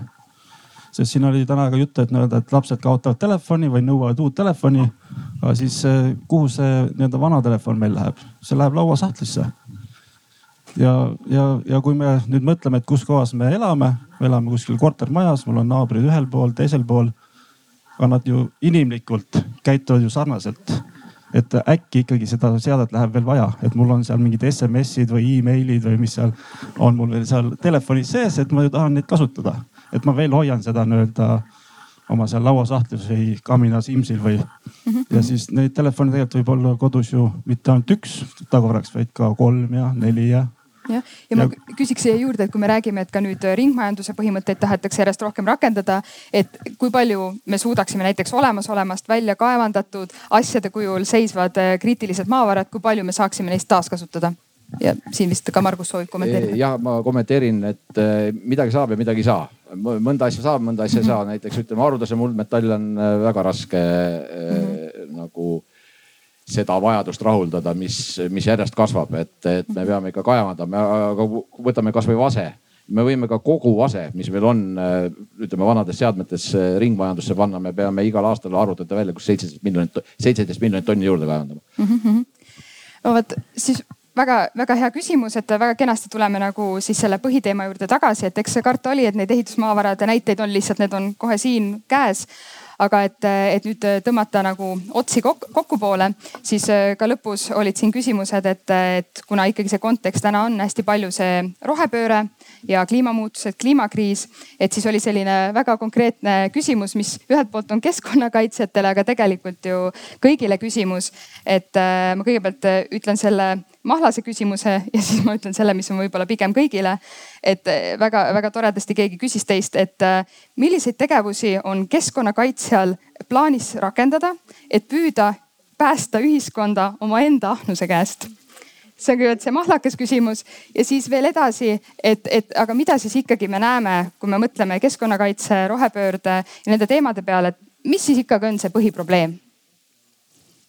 Et ma kõigepealt võib-olla sinuga alustame ja siis teised saavad ka. ma peaks võib-olla kirjeldama siis, mis asi on minu enda ahnus, aga ma võib-olla jään hätta sellega ka. mul on väga vähe vara, aga ehm, võib-olla tulles nagu selle, selle e-, natukene veel eelmise teema juurde ka, et, et, ehm, et kui me räägime rohepöördest ja räägime sellest, et meil rohepöörde jaoks näiteks on vaja kaevandada fosforiiti et teha sellest nagu näiteks ka fosforväetisi, et siis me mõnes mõttes selle rohepöörde mõtte ju keerame tagurpidi, et, et fosforväetised ehm, noh, sellisel kujul, nagu me täna neid oskame kasutada ja oleme väga palju intensiivpõllumajanduses kasutamas. noh, selle jätkusuutlikkus pehmelt öeldes on ju küsitav. See sõltub jälle, aga noh, siin inimesed juba noogutavad ja, ja vangutavad, aga, aga, aga küsimused, ja, ja küsimused, küsimused on äh, igal juhul nagu õhus, et äh, nii, niisama lihtsalt ei, ei lahenda. aga jah, äh, meie see selline, kui me räägime üleüldse mudelitest, et, et ega noh, see, see ütleme kasvõi isegi paduroheline maailmavaade ei, ei asu nagu ühiskonnast väljaspool ehk et me ei saa rääkida sellest, et indiviid tõstab ennast nagu sellest üldisest mudelist teistpidi või kuidagi välja ja tema näiteks naftat ei kasuta, noh, see ei ole enam võimalik mm. -hmm. et, et sa oled selle sootsiumi liige ja selles sootsiumis toimuvad mingid äh, mudelid ja mehhanismid äh, ja sul ei ole seal midagi nagu mõnes mõttes parata. et mida me, mida me võiksime nagu püüda teha, on see, et, et me nagu seda mõttemalli, äh, mis täna räägib, et noh, kasv, tarbime rohkem, ostame uusi asju. et võib-olla see mudel ei ole see kõige parem mudel, millega edasi liikuda. okei nii et ongi, hakkame niimoodi lõpupoole liikuma, et milles siis ikkagi on probleem ja mis teie arvates, võite ka juba vastata sellele küsimusele, et, et mis on see küsimus, mida me peaksime tegelikult päriselt rohkem arutama, kui me räägime maavarade kaevandamisest? soovisid reageerida Miksile? jah, sa vaatasid jälle mulle, mulle nii otsa. Et eh, kui nüüd selle sinu eelmise küsimuse juurde tagasi tulla, siis eh, see on väga filosoofiline küsimus ja mõnes mõttes ka poliitiline, sellepärast et äh, eks poliitilised erakonnad ju väljenda seda mingit seisukohta ja eks inimene hääletab. hääletab oma mandaadiga, oma häälega ja, ja siis nii ongi. minu meelest natukene tõsisem probleem on see, et kõik räägivad rohepöördest, aga aga nad ei taha rääkida sellest, et mis see nii-öelda endaga kaasa toob. SEI ehk siis Stockholmi Keskkonnauuringute Instituut Tallinnas on teinud eh, ühe uuringu ja ma nüüd võin eksida, aga seal oli kusagil kirjas, et inimeste elatustase, juhul kui see, me selle rohepöörde ellu viime, eh, nii nagu ta plaanis praegu on, eh, langeb kusagil kolmkümmend protsenti. Mhm. kas Eesti inimene on selleks valmis. ja kui me isegi eeldame, et Eesti inimene on progressiivne, tahab maailmas äh, loodust kaitsta, siis mõelgem sellele, nendele inimestele, kes on Indias, kes on Aafrikas, kes on Lõuna-Ameerikas, kus äh, elanikkonna number kasvab kolossaalselt, kes näevad, milline on meie elatustase siin nemad tahavad samasugust elatustaset saada mis tähendab seda, et tarbimine kasvab ja kasvab ja mhm. kasvab. ehk siis kuhu ma tahan ka jõuda, on see, et me peame hoidma fookust ka sellel nii-öelda globaalsel mm, süsteemil.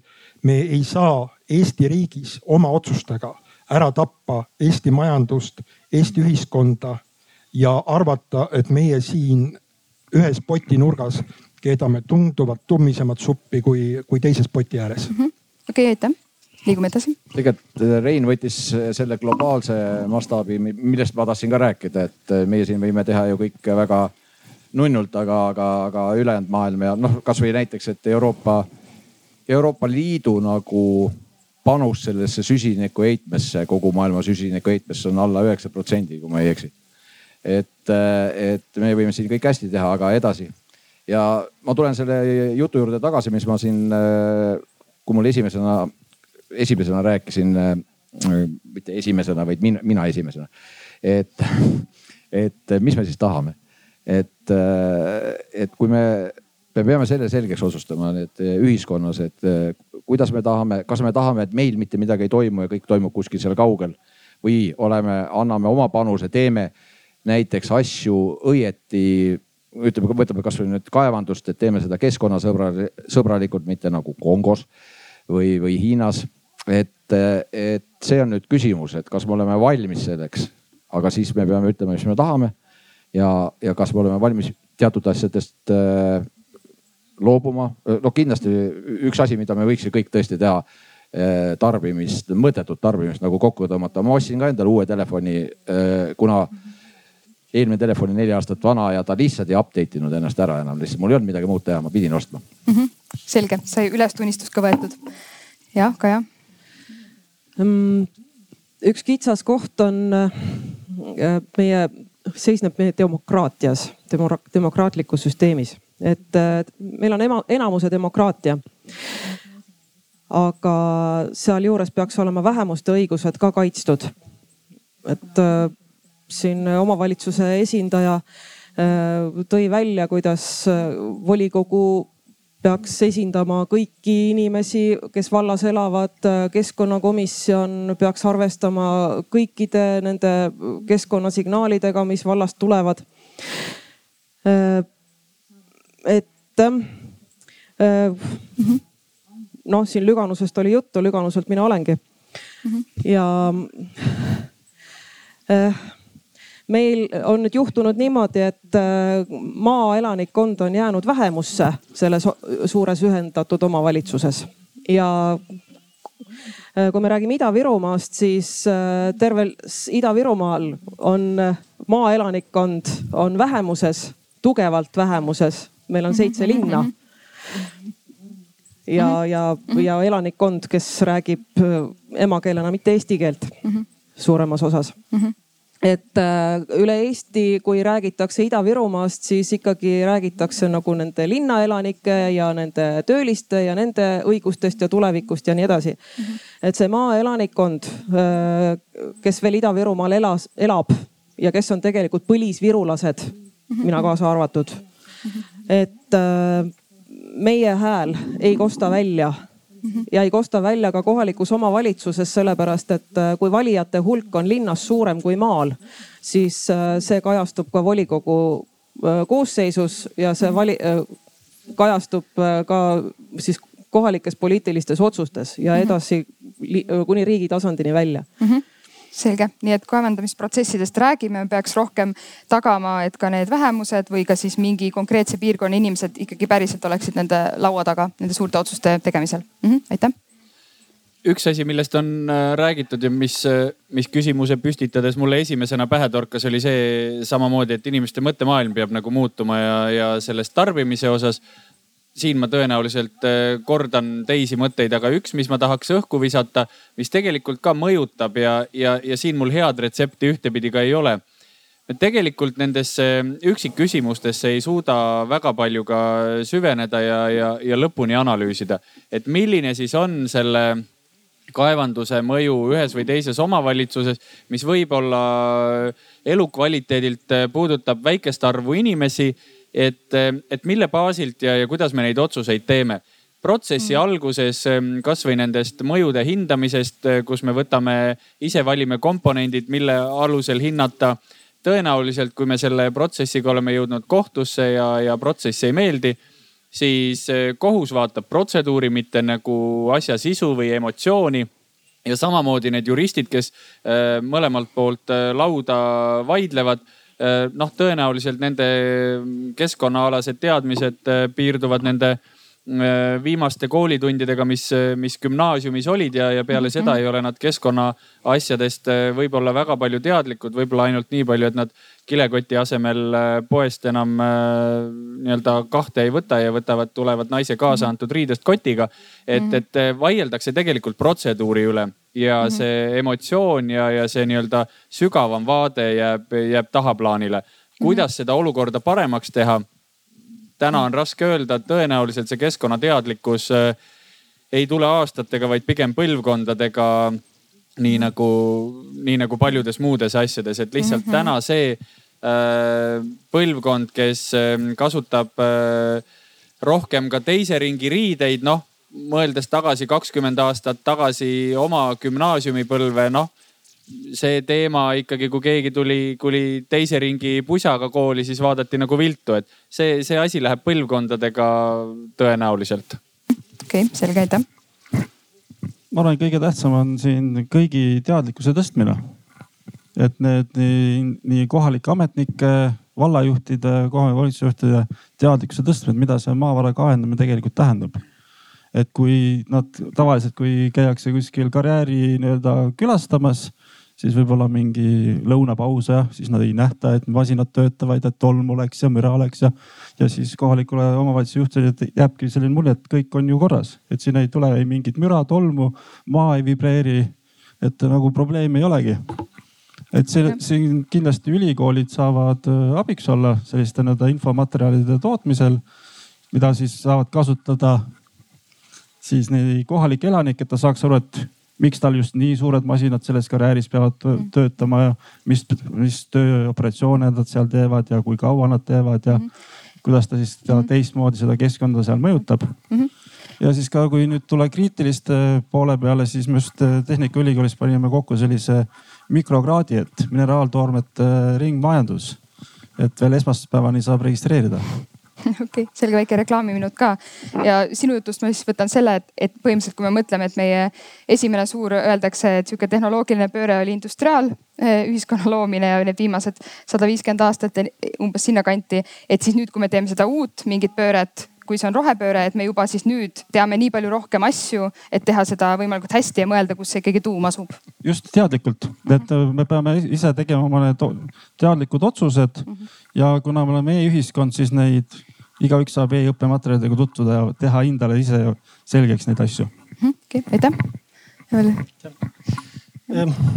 keskkonnamõju hindamise poole pealt ma tooks äh, võib-olla veel ühe, ühe nüansi, et mis siin keskkonnaekspertidele üsna läbivalt äh, noh, muret valmistab, aga, aga on, on selline teema, on see, et, äh, et need mõjuhindamised on tohutult pikad protsessid, et võtavad väga palju aega, mis tähendab, et, et ka need nii-öelda otsused ja, ja, ja need erinevad tegevused võtavad tohutult aega lubade saamised, et, et see on noh teema, nagu ma siin varasemalt ka välja tõin, et, et äh, saab teha kindlasti ka lühemalt ja saab vähemalt sama kvaliteetselt, et nii-öelda pikalt tehtud ei tähenda, et see, et see, see pikkus on kuidagi võrdeline nüüd kvaliteediga, et mida kauem tehtud, seda mm, -hmm. seda parem, et, et saab ka lühemalt ja saab ka täpselt sellise -hmm. Sellise tulemuseni jõuda, et see, et see otsus, otsus ära teha, et see mm. -hmm need protsesside pikkus ja nii-öelda venimine, et see kindlasti mm -hmm. ei ole, ei ole nii-öelda keskkonnaekspertidest kinni, et väga tahaks äh, uurida ja analüüsida, et äh, ei, see mm, -hmm. see tavaliselt tuleb sealt mm -hmm. teistelt, teistelt osapooltelt mm. -hmm ja et see käis ka täna eh, pane, paneelis läbi, et neid protsesse tuleks eh, läbi vaadata, kes kiiremini saada laua taha ja neid protsesse natuke paremaks muuta. ja Mihkel ei saanud öelda tegelikult seda, et mis on see küsimus, mis võiks ikkagi tulevikus veel rohkem eh, olla siis arutelu all, et sa vist ei saanud seda vastata.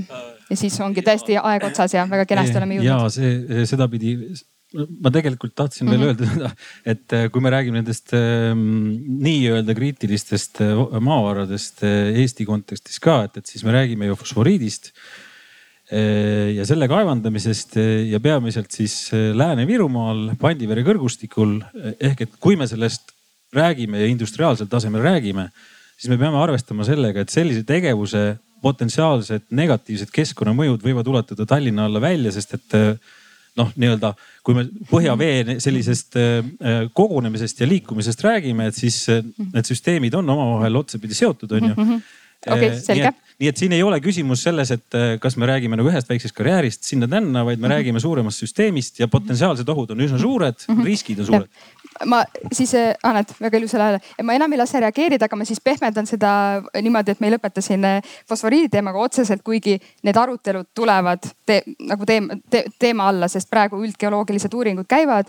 ja mis ma siit võtan, ongi lihtsalt see, et, et tulevikus me peame avama diskussiooni selle alla, et kui me päriselt nüüd oma üldgeoloogilistest äh, uuringutest saame teada, et jah, meil kas tasuks kaevandada või me tahame hakata selle protsessiga edasi minema, et neid diskussioone tuleb hakata pidama ja nagu siis järelikult mitte vahetult enne valimisi, sest siis keegi ei taha päriselt nendel teemadel rääkida. aga päriselt me veel ei kaevanda kriitilisi maavarasid, aga et kui need arutelud tulevad, siis me peame nagu ühiskonna olema need fundamentaalsed küsimused läbi arutama, miks, kui palju ja kas üldse. kas tohib eh, kolm lauset eh, lõpp no...? mul on, mul on, mul on üks eh, helesinine unistus. Öeldakse, et lootus sureb viimasena. mul on selline unistus, et ükskord saavad kaevandajad riik, kohalik omavalitsus ja kogukond rahulikult äh, ühise laua taga kokku. meil on mängureeglid enam-vähem teada ja me saame omavahel rahulikult rääkida, arutada ja arutada nii kogukonna asju kui valla asju, kui riigi asju, kui ka globaalseid mm -hmm. asju. ma loodan, et see unistus täitub üsna pea, aitäh.